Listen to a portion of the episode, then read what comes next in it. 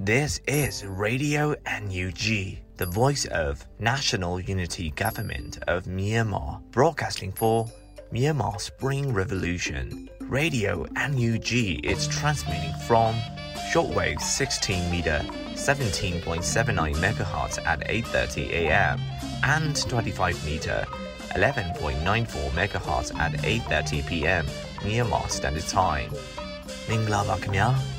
အမျိုးသားညီညွတ်ရေးအစိုးရရဲ့အတန်လွင့်ဌာန Radio NUG ကို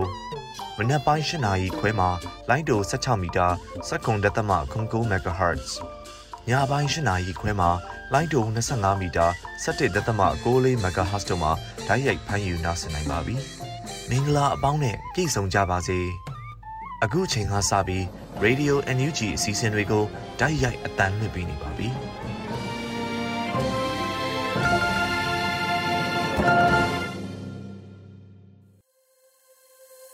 မြန်မာနိုင်ငံသူနိုင်ငံသားအပေါင်းတဘာဝပြီးဆေးဟာနာရှင်ဗီရုကနေကင်းဝေးပြီးကိုစိတ်နှစ်ပါးဘေးကင်းလုံခြုံကြပါစေလို့ရေဒီယိုအန်ယူဂျီဖွယ်သားများကဆုတောင်းမြတ်တာပို့သလိုက်ရပါတယ်ရှင်။အခုချိန်ကစပြီးပြည်တွင်းသတင်းတွေကိုတော့ຫນွေဦးမိုင်ကဖတ်ကြားတင်ပြပေးပါတော့မယ်ရှင်။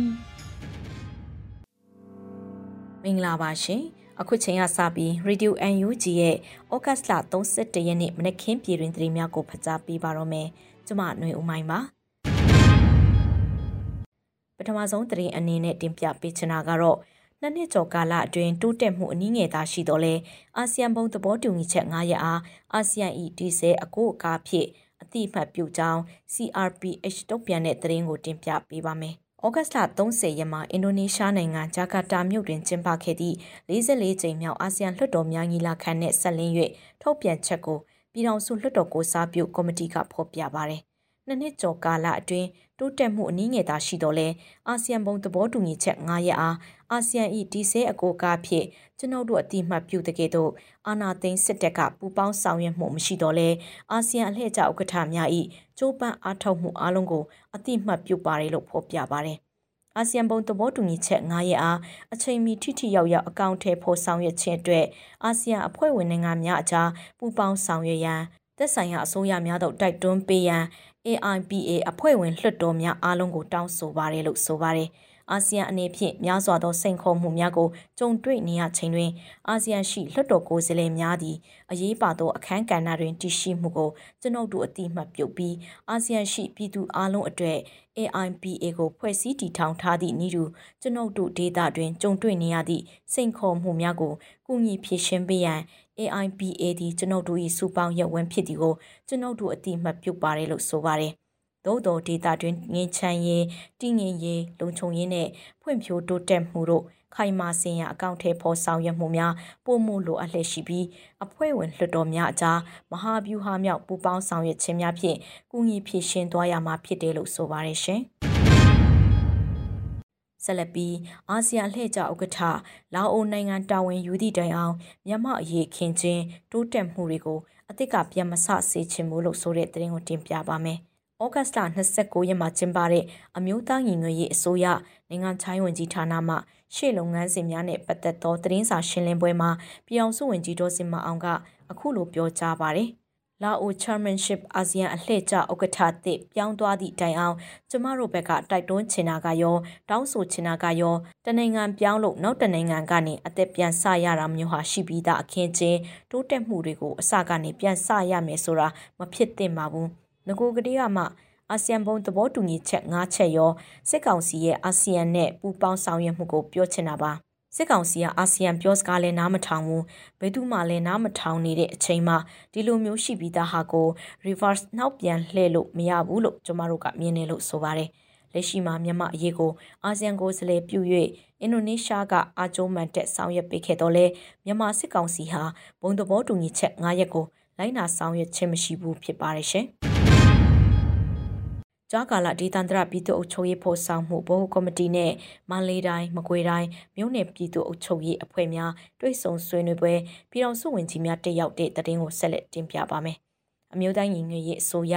ကြားကာလဒေသန္တရပြည်သူ့အုပ်ချုပ်ရေးဖော်ဆောင်မှုဘိုးကော်မတီနဲ့မန္တလေးတိုင်းမကွေးတိုင်းမှမြို့နယ်ပြည်သူ့အုပ်ချုပ်ရေးအဖွဲ့များတွဲဆုံဆွေးနွေးပွဲအစည်းအဝေး29မြင်းဆောင်2023ကိုဩဂတ်လ30ရက်ကကျင်းပခဲ့ပါတယ်။အစည်းအဝေး၌ ဂျာကာလာဒေသန္တရပြည်သူ့ချုပ်ရေးဖော်ဆောင်မှုဗဟိုကော်မတီအဖွဲ့ဝင်လူသားချင်းစာနာထောက်ထားရေးနဲ့ဘေးအန္တရာယ်ဆိုင်ရာစီမံခန့်ခွဲဝင်ကြီးဌာနပြည်ထောင်စုဝန်ကြီးဒေါက်တာဝင်းမြတ်အေးမှအဖွဲ့မှစကားပြောကြားခဲ့ပါတယ်။ထို့နောက်ဝန်ကြီးဌာနများမှဌာနနဲ့သက်ဆိုင်သည့်လုပ်ငန်းများအားမှာကြားဆောင်ရွက်ခဲ့ပြီးမြို့နယ်ပြည်သူ့အုပ်ချုပ်ရေးအဖွဲ့ဝင်များမှမူဝါဒလိုင်းညွှန်ချက်များလုပ်ငန်းဆောင်ရွက်ချက်များမြစ်ပြည့်ခက်ခဲများနဲ့ပတ်သက်၍ သိရှိလိုသည့်များကိုမေးမြန်းခဲ့ကာဝန်ကြီးဌာနမှတာဝန်ရှိသူများမှပြန်လည်ဖြေကြားခဲ့ပါတယ်တွေ့ဆုံပွဲသို့ပြည်ထောင်စုဝန်ကြီးများဒုတိယဝန်ကြီးများအမြဲတမ်းအတွင်းဝင်များတွဲဖက်အတွင်းဝင်များဌာနဆိုင်ရာများမှတာဝန်ရှိသူများနဲ့မန္တလေးတိုင်းမကွေးတိုင်းမှမြို့နယ်ပြည်သူ့အုပ်ချုပ်ရေးအဖွဲ့ဝင်များတက်ရောက်ခဲ့ကြပါတယ်ရှင်။။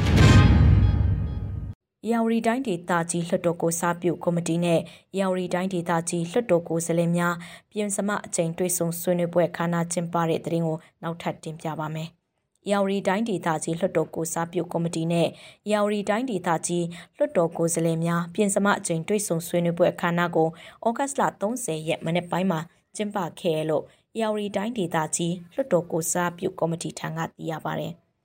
ရော်ရီတိုင်းဒေသကြီးလွှတ်တော်ကိုယ်စားလှယ်များပြင်စမအချိန်တွေ့ဆုံဆွေးနွေးပွဲကိုဩဂတ်လ30ရက်နေ့နက်နက်9နာရီအချိန်တွင်ကျင်းပပြုလုပ်ခဲ့ပြီးအခမ်းအနားအားအစီအစဉ်9ရက်ဖြင့်ကျင်းပပြုလုပ်ခဲ့ကကော်မတီ၏လုပ်ငန်းဆောင်ရွက်ချက်များအားရှင်းလင်းပြောကြားခြင်းလွှတ်တော်ရေးရနဲ့ဥပဒေဆိုင်ရာကော်မတီမှလုပ်ငန်းဆောင်ရွက်ချက်များအားရှင်းလင်းပြောကြားခြင်းအထွေထွေဆွေးနွေးခြင်းများပြုလုပ်ခဲ့ကြပါတယ်။ထို့နောက်နက်နက်10:00နာရီခွဲချိန်တွင်တွေ့ဆုံဆွေးနွေးပွဲအားရုပ်သိမ်းခဲ့လို့သိရပါတယ်ရှင်။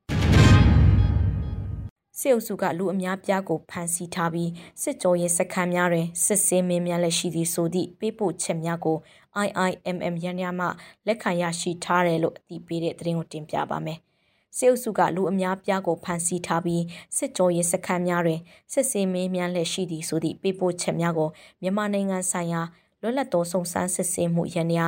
IIMM ကလက်ခံရရှိထားတယ်လို့ဩဂတ်လ30ရက်မှာအတည်ပြုဖော်ပြပါတယ်။စစ်အုပ်စုဟာလူအများပြားကိုဖမ်းဆီးထားပြီးစစ်ကြောရေးစခန်းများတွင်စစ်ဆေးမင်းမြန်လက်ရှိသည့်ဆိုသည့်ပေးပို့ချက်များရန်ရာမှလက်ခံရရှိထားပါတယ်။မိသားစုဝင်များကကာယကံရှင်များ၏တီနေယာကိုစုံစမ်းမင်းမြတ်သည့်အခါဘေးစီဘေးဝေတွင်ဖမ်းဆီးထားကြောင်းပြောပြရန်ငင်းဆိုလက်ရှိသည်ဟုဆိုပါပေးပို့ချက်များကညွှန်ပြတယ်လို့ဖော်ပြပါတယ်။ စစ်တပ်ကအာဏာသိမ်းပြီးနောက်ပိုင်း IIMM အဖွဲ့ကိုဆက်သွယ်မှုပေါင်း2သိန်းကျော်ရှိခဲ့ပြီးတစ်တီအထောက်ထားတသန်းခွဲကျော်လက်ခံရရှိထားတယ်လို့ရခင်ကထုတ်ပြန်ထားပါတယ်။အတင်းအဓမ္မသတင်းအစာနာဖျောက်ခြင်းဆိုဒီမှာလူတအူအားဖမ်းဆီးပြီးဥပဒေအကာအကွယ်မှဖယ်ရှားရန်ရည်ရွယ်ချက်ဖြင့်၎င်း၏ဒီနေရာအခြေအနေစသည့်အချက်လက်များမျှဝေရန်ငင်းဆန်မှုဖြစ်တယ်လို့ IIMM ကထုတ်ပြန်ပါတယ်ရှင်။ ဆက်လက်ပြီးຫນွေဥပံ web application မှတဆင့်ကိုပိုင်ဘဏ်အကောင့် personal account ဖွင့်ဖို့စီးပေးထားနိုင်တဲ့သတင်းတင်ပြပါမယ်။ຫນွေဥပံ web application မှတဆင့်ကိုပိုင်ဘဏ်အကောင့် personal account ဖွင့်ဖို့စီးပေးထားနိုင်ပြီလို့ຫນွေဥဖွံ့ဖြိုးရေးဘဏ်ကအတည်ပြုဆိုပါရယ်။ဘဏ်တိုးနှုန်းကွာခြားချက်တွေငွေအသွင်းအထုတ်ကန့်သက်ချက်တွေ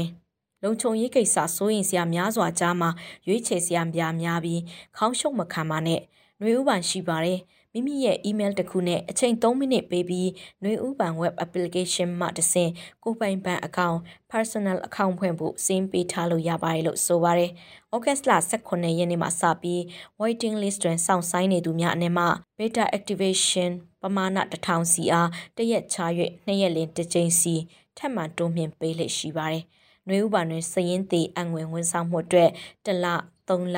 6လတစ်နှစ်ဆိုပြီးကာလအမျိုးအစား၄မျိုးရှိကမြန်မာကျပ်အမေရိကန်ဒေါ်လာစင်ကာပူဒေါ်လာနဲ့ထိုင်းဘတ်ငွေများရွေးချယ်ပြီးနှစ်စဉ်17ရာခိုင်နှုန်းအထိရှိသောအတိုးနှုန်းအစီအစဉ်များနဲ့ကိုယ်တိုင်စိတ်ကြိုက်ရွေးချယ်အနှံနိုင်ပါတယ်ရှင်။တူရှင်ကတိုက်ဖို့ကြီးကားဆင်ပြီးကာကွယ်ဆုကမ်ပိန်းတွင် UNG ပေးနဲ့အတူပြည်သူများပါဝင်ထောက်ဖို့လှူဒါန်းနိုင်တဲ့သတင်းကိုတင်ပြပေးပါမယ်။ တူရှင်ကတိုက်ဖို့ကြီးကားဆင်ပြီးကာကွယ်ဆုကမ်ပိန်းတွင် UNG ပေးနဲ့အတူပြည်သူများပါဝင်ထောက်ပေါ်လှူဒါန်းနိုင်တယ်လို့ဩဂတ်စ်လ30ရက်မှာ UNG ပေးကအတည်ပြုဖော်ပြထားပါတယ်။ပြည်သူများ၏73ကြိမ်မြောက် For Our People လှုပ်ရှားမှုတွင်တောင်ပိုင်းစစ်ဒေသခွဲနှင့်အထူးစစ်စင်ရေးတပ်ရင်းနဲ့ချင်းကာကွယ်တပ်အရှို့တို့အတွက်ပြည်သူနဲ့အတူ UNG ပေးကပါဝင်ကူညီသွားပါမယ်လို့ဆိုပါတယ်။ လှူဒန်းမှုများကိုဩဂတ်လ30ရက်မှစ၍2023ခုနှစ်စက်တင်ဘာလ12ရက်နေ့ထိလက်ခံသွားမှာဖြစ်ပြီးမြင်းပြင်းအရောက်ပေးပို့သွားမှာဖြစ်ပါတယ်ရှင်။ထန်တလာမြို့စစ်စင်ရေးစစ်ကောင်စီတပ်က30ကျော်သေးပြီး90ကျော်ထန်ရာရကစစ်ကောင်စီတပ်ဖွဲ့ရဲ့လက်နက်ခဲယမ်းတချို့ကိုချင်းတုံလှန်ရေးပူပေါင်းတပ်များတင်စီရမိတဲ့တရင်ကိုဆက်လက်တင်ပြသွားပါမယ်။ ချင်းပြည်နယ်တန်တလန်မြို့စစ်စင်ရေးစစ်ကောင်စီတပ်က30ကျော်သေးပြီး90ကျော်တန်းရရခဲ့လို့ဩဂတ်လ30ရက်မှာစစ်ရေးတရင်ကို CDF ထန်တလန်ကထုတ်ပြန်ခဲ့ပါတယ်။ဩဂတ်လ29ရက်နဲ့28ရက်ထန်တလာမြို့တွင်းရှိတပ်ကုန်းနဲ့အနီးပတ်ဝန်းကျင်ရှိစစ်ကောင်စီတပ်သားများနေရာယူထားသောစခန်း၅ခုအပြင်အခြားသောမြို့တွင်းရှိစစ်ကောင်စီတပ်စခန်း၂ခုနဲ့ဟာခါမြို့နဲ့ထန်တလာမြို့ကြားရှိ အော်တိုတာဝါတောင်ကြားတို့တွင် ထိုးဆက်ဆင်းပြီးတိုက်ပွဲဖြစ်ပွားခဲ့လို့ဆိုပါတယ်။အဆိုပါတိုက်ပွဲတွင်စစ်ကောင်စီ30ကျော်တေဆုံးပြီး90ကျော်တန်းရာရခဲ့ကလက်နက်၅လက်နဲ့ကြီးစံများတင်စီရမိခဲ့ပါတယ်။ထန်တလန်တိုက်ပွဲတွင်ချင်းတော်လိုင်းပူပေါင်းတပ်မှရဲဘော်စငါ့ကိုကြားဆုံးခဲ့ရပါတယ်ရှင်။ နောက်ဆုံးအနေနဲ့ရင်းမပင်မျိုးနယ်စီတူတစ်ကွင်းမှပြည်သူပိုင်တစ်များကို မတရားခိုးထုတ်နေသောစစ်ကောင်စီတပ်မှရှေ့ပြေကင်းထောက်ဖွဲနဲ့ကာဝေးတပ်များပစ်ခတ်တိုက်ခိုက်မှုဖြစ်ပွားကအကြမ်းဖက်စစ်ကောင်စီတပ်ဖက်မှ9ဦးသေဆုံးတဲ့တရင်ကိုတင်ပြပါမယ်။ဩဂတ်စ်လ30ရက်မှာစစ်ရေးတရင်ကို ULF မဟာမိတ်တပ်ပေါင်းစုကတည်ပြုပါတယ်။ ဩဂတ်လ29ရက်မနက်10:15မိနစ်အချိန်ခန့်ကပြည်သူပိုင်တစ်များကိုမတရားခိုးထုတ်နေသောစစ်ကောင်စီတပ်မှရှေ့ပြေးကင်းထောက်အဖွဲ့ခန့်မှန်းအင်အား35ယောက်ပါအဖွဲ့သည်တစ်ကွင်းအနီးနားရှိပြည်သူပိုင်နေအိမ်များအတွင်မှပျက်စီးများကိုခိုးယူနေသည်ကိုကြားသိရ၍အလစ်ငိုက်ဝင်ရောက်တိုက်ခိုက်ခဲ့ပါတယ်လို့ဆိုပါတယ်။တိုက်ပွဲကြာချိန်15မိနစ်သာရှိခဲ့ပြီးစစ်ကောင်စီဘက်မှစစ်ကောင်စီ9ဦးသေဆုံးကထိခိုက်ဒဏ်ရာရသူ9ဦးထက်မနည်းရှိနိုင်တယ်လို့သိရပါတယ်။ ULF တပ်ပေါင်းစုမှရဲဘော်များအထိခိုက်မရှိပြန်လည်ဆုတ်ခွာနိုင်ခဲ့ပြီး MA11 တက်လက်နဲ့ကြီးပေါက်3ပေါက်ကြီးကား3ခုလက်ခိုင်ဖုံး3လုံးဘေးလွယ်အိတ်1လုံးပိတ်ဆန်လက်ကင်အိတ်1အိတ်မြန်မာကျပ်ငွေ33500ကျပ်ထိုင်းဘတ်ငွေ90နဲ့ခိုးရပါရွှေထဲပစ္စည်းအနည်းငယ်သိမ်းဆည်းရမိခဲ့ပါတယ်စစ်စင်ရေးကို ULF တပ်ပေါင်းစုမှစစ်ကြောင်းမှုကိုနိုင်မဲဥဆောင်ပြီး Comrade စစ်ကြောင်း KLG စစ်ကြောင်း အယ်ဖာစစ်ကြောင်းနှင့်အတူဒေသမဟာမိတ်တပ်ဖွဲ့များဖြစ်သည့် B21 PDF တပ်ရင်းစခွန် PDA တပ်ရင်း35ဘိုးနှက်ခမ်းမွေးတပ်ဖွဲ့ချင်းတွင်း GS နဲ့တင်မင်းတမန် LPDF တို့မှပူးတွဲမရှင်ဆောင်ရွက်ခဲ့ပါတယ်ရှင်။အခုတင်ပြခဲ့တဲ့သတင်းတွေကို Radio UNG သတင်းထောက်မင်းတီဟန်ကပေးပို့ထားတာဖြစ်ပါတယ်ရှင်။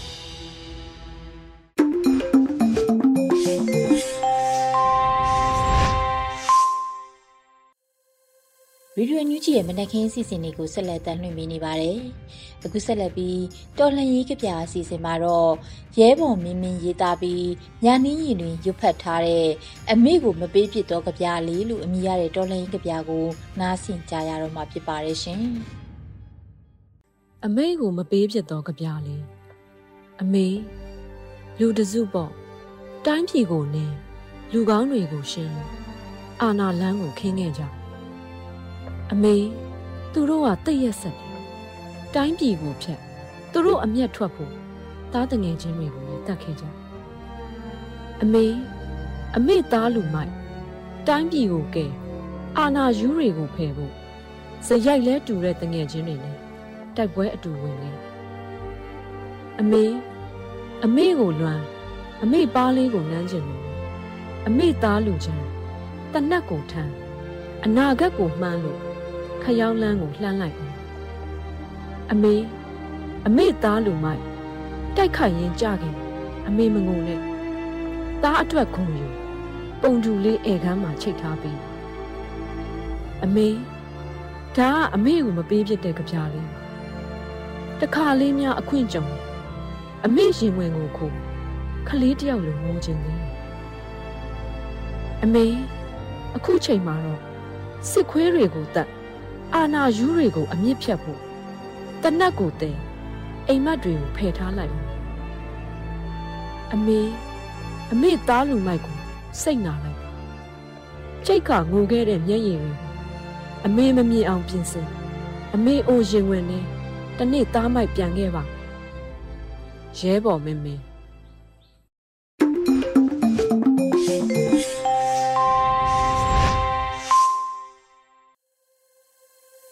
ဗီဒီယိုညူးကြီးကိုနားတော်တာဆင်နေတဲ့ပရိသတ်များရှင်အခုဆက်လက်ပြီးနားဆင်ကြရမှာကတော့မြမနွေဦးခရိုနီကယ်ဩဂုတ်29မြင်ကွင်းဖြစ်တဲ့ဘိုးနဂါးနဲ့ပန်းဆယ်လူတို့ရဲ့အပြန်အလှန်အငင်းခုန်ထန်တလန်မှာဖြစ်တဲ့တိုက်ပွဲမှာနှစ်ဖက်ဆယ်ကနန်းနဲ့ချီတေဆုံးလို့အမည်ရတဲ့မိုးမခဆောင်းပါးကိုတော့လွတ်လပ်နွေဦးကဖတ်ကြားတင်ပြပေးပါမယ်ရှင်မြန်မာနွေဦးခရိုနီကယ်ဩဂုတ်လ29ရက်နေ့မြင်ကွင်း ဘိုးနဂါးနဲ့ပန်ဆယ်လိုတို့ရဲ့အပြန်လှန်အငင်းခုန်ထန်တလန်မှာဖြစ်တဲ့တိုက်ပွဲမှာနှစ်ဖက်ဆယ်ကနန်းနဲ့ချီတေဆုံးကောင်းစဉ်နဲ့ရေးသားဖော်ပြပါရှိတဲ့မြန်မာနွေခရိုနီကယ်ရဲ့ဩဂုတ်လ29ရက်နေ့တည်င်းမြင်ကွင်းဆောင်ပါမှာအခုလိုရေးသားဖော်ပြထားတာကိုဖတ်ကြားတင်ပြပါမယ်။စကိုင်းတိုင်းပလဲမြို့နယ်နဲ့ရင်းမာပင်မြို့နယ်တွေမှာမြမတော်ဝင်နဂါတက်မတော် MRDA ဆိုတဲ့အမည်နဲ့ဖွဲ့စည်းထားတဲ့ဒေသခံတွေကပေါ်ထွက်လာတဲ့ PDF အဖွဲ့ခေါင်းဆောင်ဘိုးနဂါနဲ့ အမျိုးသားညွေရေးအစိုးရအဖွဲ့ရဲ့အသိမှတ်ပြုထားတဲ့ရန်ပုံငွေရှာဖွေသူပန်ဆယ်လူတို့အကြားအပြန်အလှန်တိုက်ခိုက်ပြောဆိုမှုတွေပုံကိုရေးတိုက်ခိုက်မှုတွေကအခုတလောအွန်လိုင်းပေါ်ကဆိုရှယ်မီဒီယာမှာအပြောများနေတဲ့နိုင်ငံရေးအကြောင်းအရာတရဖြစ်နေပါတယ်။အန်ယူဂျီဆိုရရဲ့ကာကွယ်ရေးဝန်ကြီးဌာနထံက MRTA အနေနဲ့ရန်ပုံငွေလောက်လောက်လာလာအထောက်ပံ့မရသေးဘူးဆိုတဲ့ဘိုးနဂါဘက်ကပြောဆိုချက်နဲ့အန်ယူဂျီဆိုရဘက်က MRTA ကိုထောက်ပံ့ငွေဒေါ်လာတသန်းနီးပါးပေးထားပြီးပြီဆိုတဲ့ ပန်ဆယ်လိုဘက်ကပြောဆိုချက်စတဲ့အပြန်အလှန်ပြောဆိုချက်တွေကအခုသတင်းတပတ်တာမှာနေ့စဉ်လိုလိုဆိုရှယ်မီဒီယာနဲ့သတင်းဌာနချို့မှာသတင်းအဖြစ်ရေးသားထုတ်လွှင့်နေကြတာဖြစ်ပါတယ်။ MRDA ကောင်းဆောင်ဘိုးနဂါအနေနဲ့ Facebook မှာ live လွှင့်ထုတ်ပြီးဖြည့်ရှင်းတာပြောဆိုနေတာတွေလည်းနေ့စဉ်ဆိုသလိုရှိလာနေပြီးຫນွေဦးတော်လိုင်းရေးထောက်ခံသူတွေကြားသဘောထားကွဲလွဲမှုတွေဖြစ်ပေါ်လာနေတာကိုတွေ့ရပါတယ်။စစ်အာဏာသိမ်းပြီးလအနေငယ်အကြာမှာစကိုင်းတိုင်းကမြို့နယ်တွေမှာလက်လုံတူမီတနတ်တွေနဲ့ စတင်ကကာကွယ်ရေးတပ်ဖွဲ့တွေပေါ်လာခဲ့ရမှာပလဲနယ်ကဘိုးနဂါဥဆောင်တဲ့ MRDA လည်းတပ်ဖွဲ့အပါဝင်ဖြစ်ပါတယ်။ထိုစဉ်ကာလကအန်ယူဂျီရဲ့ပြည်သူ့ကာကွယ်ရေးတပ်ဖွဲ့ပကဖတွေလည်းပေါ်ထွက်မလာသေးသလိုပြည်သူ့အုပ်ချုပ်ရေးဖွဲ့ပအဖတွေလည်းပေါ်ထွက်ခြင်းမရှိသေးပါဘူး။အခုအခါအချို့ကဒေသန္တရပြည်သူ့ကာကွယ်ရေးအဖွဲ့လို့အဓိပ္ပာယ်ရတဲ့ LPDF တွေကအဲ့ဒီအစောပိုင်းကာလကတည်းကဒေသခံတွေစုဖွဲ့ကြပြီးတချို့လဲအန်ယူဂျီရဲ့ကုတ်ကဲမှုအောက်ရောက်သွားကြသလို တချို့ကလည်း၎င်းတို့ဘာသာ၎င်းတို့ယက်တီကြတာတွေ့ရပါတယ်။ပလဲနယ်ကမြမတော်ဝင်ကတပ်မတော်ဟာ၎င်းတို့ဘာသာ၎င်းတို့ယက်တီခဲ့ကြပြီးနောက်ပိုင်းအန်ယူဂျီရဲ့အထောက်ပံ့တချို့ရခဲ့တယ်လို့လည်းရှင်းလင်းချက်တွေရသိရပါတယ်။ယမန်နှစ်ကလက်နက်ဝယ်ပေးဖို့ကိစ္စနဲ့ပတ်သက်လို့ဘိုးနဂါကအန်ယူဂျီရဲ့ကာကွယ်ရေးဝန်ကြီးဌာနကိုစာပေးပို့ခဲ့တာတည်င်းမီဒီယာတွေကိုထုတ်ပေါ်ခဲ့တာရှိခဲ့ပြီးမကြာသေးမီကတော့ MRDA ရဲ့တိုက်ရင်လေးရင်ကိုအန်ယူဂျီဘက်ကဆက်လက်မထောက်ပံ့တော့ဘဲ မိမိတို့ဘာသာဆက်လက်လှုပ်ရှားဖို့အသိပေးအကြောင်းကြားရာကစတင်ပြီးအခုလိုအပြန်လှန်ပြောဆိုမှုတွေဖြည့်ရှင်းမှုတွေဖြစ်ပေါ်နေတာဖြစ်ပါတယ်။ဘိုနဂါဟာမီဒီယာဆက်ဆံရေးအများလူထုကိုဆက်ဆံရေးတွေမှာအပြောဆိုကောင်းသူရင်ရင်ကြည်ကြည်နဲ့စကားကိုတွေ့ဝိုက်ပြီးလိုချင်တဲ့ရည်ရွယ်ချက်ရအောင်ပြောဆိုတတ်သူဖြစ်လို့သူ့ကိုထောက်ခံသူသူ့ဘက်ကယက်တီသူတွေလည်းအများပြားရှိတာဖြစ်ပါတယ်။တစ်ဖက်မှာတော့အန်ယူဂျီအစိုးရအနေနဲ့တနည်းကာကွယ်ရေးဝန်ကြီးဌာန MOD အနေနဲ့အခုဖြစ်ပျက်မှာဘယ်ကိစ္စတွေဘယ်လိုဖြစ်ပျက်ခဲ့တယ်ဆိုတာကိုဘိုးနဂါနဲ့တိုက်ရိုက်ဆက်သွယ်ပြီးဖြည့်ရှင်းကဒီအကြောင်းအရာနဲ့ပတ်သက်လို့ဘယ်လိုဆက်သွယ်ဖြည့်ရှင်းပြီးကြောင်းအများပြည်သူကိုရှင်းပြတာတည်င်းမီဒီယာတစ်ဆင့်ပြန်လည်အသိပေးတာလှုပ်ဆောင်သင့်တယ်လို့မြင်ပါတယ်။အန်ယူဂျီရဲ့သက်ဆိုင်တဲ့ဝန်ကြီးဌာန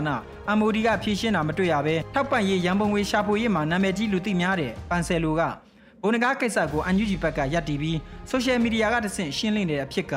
လှုပ်ထုံးလုံနီးမကြသလို အရက်ထဲကဖြည့်ရှင်းနည်းဖြစ်ပြီးစနစ်ကျတဲ့အဖွဲ့အစည်းတစ်ရက်ကတရားဝင်နီးလာတဲ့ဖြည့်ရှင်းပုံမျိုးမဟုတ်တာတွေ့ရပါတယ်။အချို့သောအချက်လက်တွေကအန်ယူဂျီဘက်ကတာဝန်ရှိတဲ့သူနဲ့ဘိုးနဂါတို့ကြားတိုက်ရိုက်ဆက်သွယ်ပြောဆိုဖြည့်ရှင်းတဲ့ကိစ္စတွေဖြစ်ပြီးအများပြည်သူကိုအဖြစ်ပြအစုံချခင်းပြီးရှင်းပြဖို့မသင့်တော်တဲ့အကြောင်းအရာတွေလည်းဖြစ်ပါတယ်။ဘယ်သူစီကတဆင့်ပေးတယ်ဘလောက်ပေးတယ်ဘယ်လိုပေးတယ်ဆိုတာမျိုးတွေကအများပြည်သူရှေ့မှာထုတ်ပေါ်ပြောဆိုနေကြဖို့မသင့်တော်ပါဘူး။တစ်ဖက်ရန်သူအနေနဲ့အန်ယူဂျီ MOD ရဲ့လုတ်ပုံကိုင်ပုံ ဘိုးနဂါတို့ဖွဲ့ရဲ့လုတ်ပုံကိုင်ပုံတွေကိုအသိပေးလိုက်တယ်လို့ဖြစ်ပြီးလုံခြုံရေးအရာအချက်လက်ကျိုးပေါက်ရလဲကြတာပါဒီဖြစ်ပျက်နေတဲ့အနေအထားကိုအရက်သေးကဖြည့်ရှင်းပုံမျိုးနဲ့ဖြည့်ရှင်းတာအမြန်ဆုံးရပ်တင်ပြီးတိုက်ရိုက်ဆက်သွယ်ဖြည့်ရှင်းပြောဆိုတာတွေလုပ်ဖို့အကောင်းဆုံးအခြေအနေကတော့အခုလိုကာလာပဲဖြစ်ပါတယ်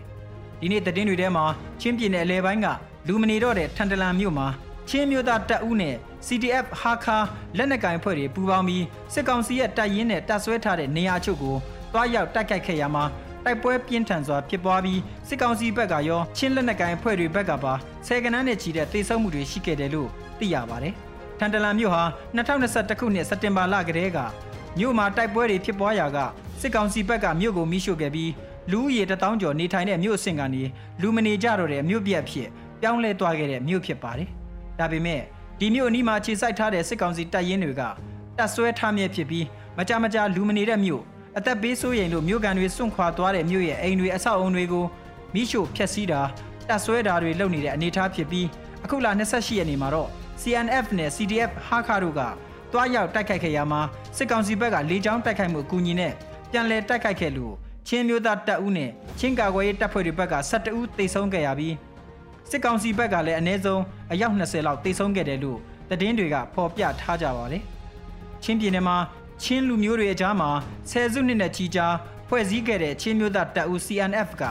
ထန်တလန်မြို့နယ်ကအိန္ဒိယနယ်စပ်မှာဌာနချုပ်အခြေစိုက်တာကြောင့်လဲစစ်ကောင်စီအနေနဲ့ထန်တလန်မြို့နယ်ကိုအရေးထားပြီးတိုက်ခိုက်တာဖြစ်ကောင်းဖြစ်နိုင်ပါတယ်။ထန်တလန်မြို့ဟာစစ်အာဏာသိမ်းပြီးနောက်မြို့တစ်မြို့အနေနဲ့တမြို့လုံးစွန့်ခွာထွက်ပြေးရတဲ့ပထမဆုံးမြို့ဖြစ်လာပြီးပျက်စီးမှုလည်းအများဆုံးဖြစ်ပါတယ်။တယံဇာတအားဖြင့်တော်လကောင်းပထဝီအနေထားအားဖြင့်တော်လကောင်းချင်းပြည်နယ်ဟာဒီလောက်ဆွဲဆောင်မှုမရှိပေမဲ့လို့ အိန္ဒိယနိုင်ငံနဲ့နယ်နိမိတ်ဆက်ဆက်နေတဲ့အနေထားကျယ်ပြန့်တဲ့နယ်မြေပမာဏကြောင့်ချင်းပြည်နယ်ကိုစစ်ကောင်စီအနေနဲ့လွယ်လွယ်နဲ့တော့လစ်လျူရှုရှင်းမပြုတ်ပဲရှိတဲ့စစ်အင်အားနဲ့ထိန်းချုပ်ဖို့စ조사နေအောင်မယ်လို့ခန့်မှန်းရပါတယ်။တစ်ဖက်မှာတော့မြင့်မားတဲ့တောင်တန်းတွေကားလမ်းတွေကတခုတည်းသောဆက်သွယ်ရေးလမ်းကြောင်းဖြစ်ခြင်း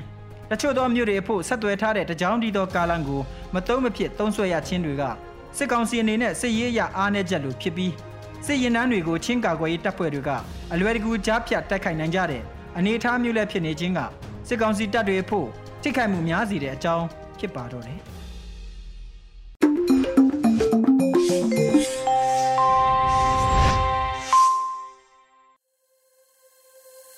ဗီဒီယိုညူချီရဲ့မနက်ခင်းစီစဉ်တွေကိုဆက်လက်တင်လွှင့်ပေးနေပါတယ်။အခုဆက်လက်ပြီးနားဆင်ကြရမှာကတော့ PPTV ရဲ့နေ့စဉ်သတင်းများဖြစ်ပါတယ်။ ထက်ထက်အင်ဒရာမှဖတ်ကြားတင်ပြပေးပါမယ်ရှင်။အခုချိန်ကစပြီး PPTV သတင်းတွေကိုတင်ဆက်ပြီးတော့မှာပါ။ကျွန်မထက်ထက်အင်ဒရာအောင်ပါ။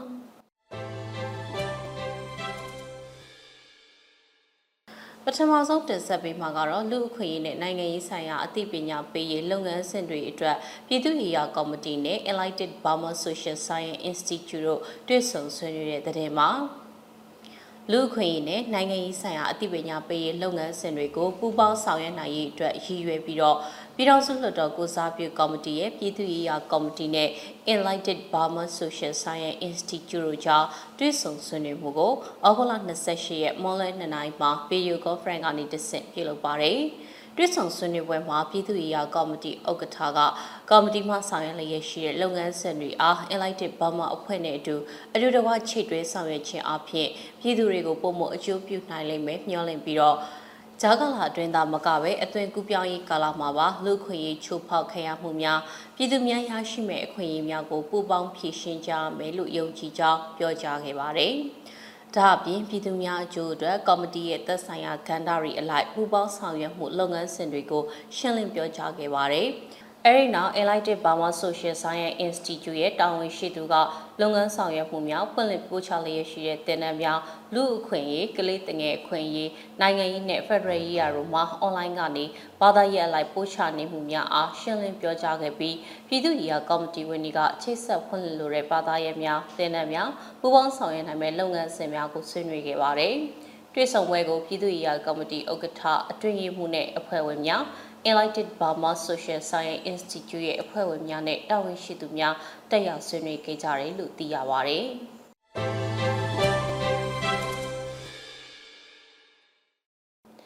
ဆက်လက်ပြီးတော့ပြည်သူ့ရေးတပ်ဖွဲ့နဲ့စကိုင်းတိုင်းနဲ့မကွေးတိုင်းမှာရှိတဲ့ပြည်သူ့လုံခြုံရေးအဖွဲ့များတွဲဆောင်ဆွေးနွေးတဲ့တရင်ကိုတင်ဆက်ပေးပါမယ်။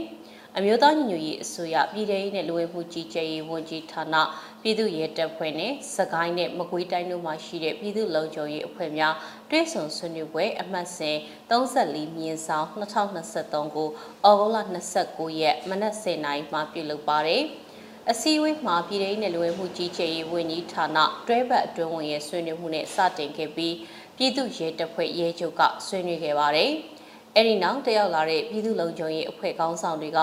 လုံခြုံရေးနဲ့တရားဥပဒေစိုးမိုးရေးဆောင်ရွက်နေမှုများဥပဒေဆိုင်ရာသိရှိလိုတဲ့အချက်များညှိပြင်းအခက်အခဲများအားတင်ပြဆွေးနွေးခဲ့ပါတယ်။တင်ပြလာတာတွေကိုတွဲဘက်အတွင်းဝန်ပြည်သူ့ရဲတပ်ဖွဲ့ရဲချုပ်နဲ့သက်ဆိုင်ရာဌာနကြီးမှုတွေရဲ့ဆွေးနွေးတင်ပြချက်တွေကိုရှင်းလင်းပြောကြားခြင်းနဲ့လိုအပ်ချက်များအားညှိနှိုင်းဖြည့်ဆည်းပေးခြင်းများပြုလုပ်ပါတယ်။ အစည်းအဝေးကိုမြို့သားညီညွတ်ရေးအစိုးရပြည်ထောင်စုလူဝင်မှုကြီးကြပ်ရေးဝန်ကြီးဌာနတွဲဘက်အတွင်းကိုပြည်သူ့ရဲတပ်ဖွဲ့ရဲချုပ်နဲ့အရာရှိများစကိုင်းတိုင်းမကွေးတိုင်းတို့မှာရှိတဲ့ပြည်သူ့လုံခြုံရေးအဖွဲ့ရဲ့ခေါင်းဆောင်များတက်ရောက်ခဲ့ကြတယ်လို့ပြည်ထောင်စုလူဝင်မှုကြီးကြပ်ရေးဝန်ကြီးဌာနကသတင်းထုတ်ပြန်ပါတယ်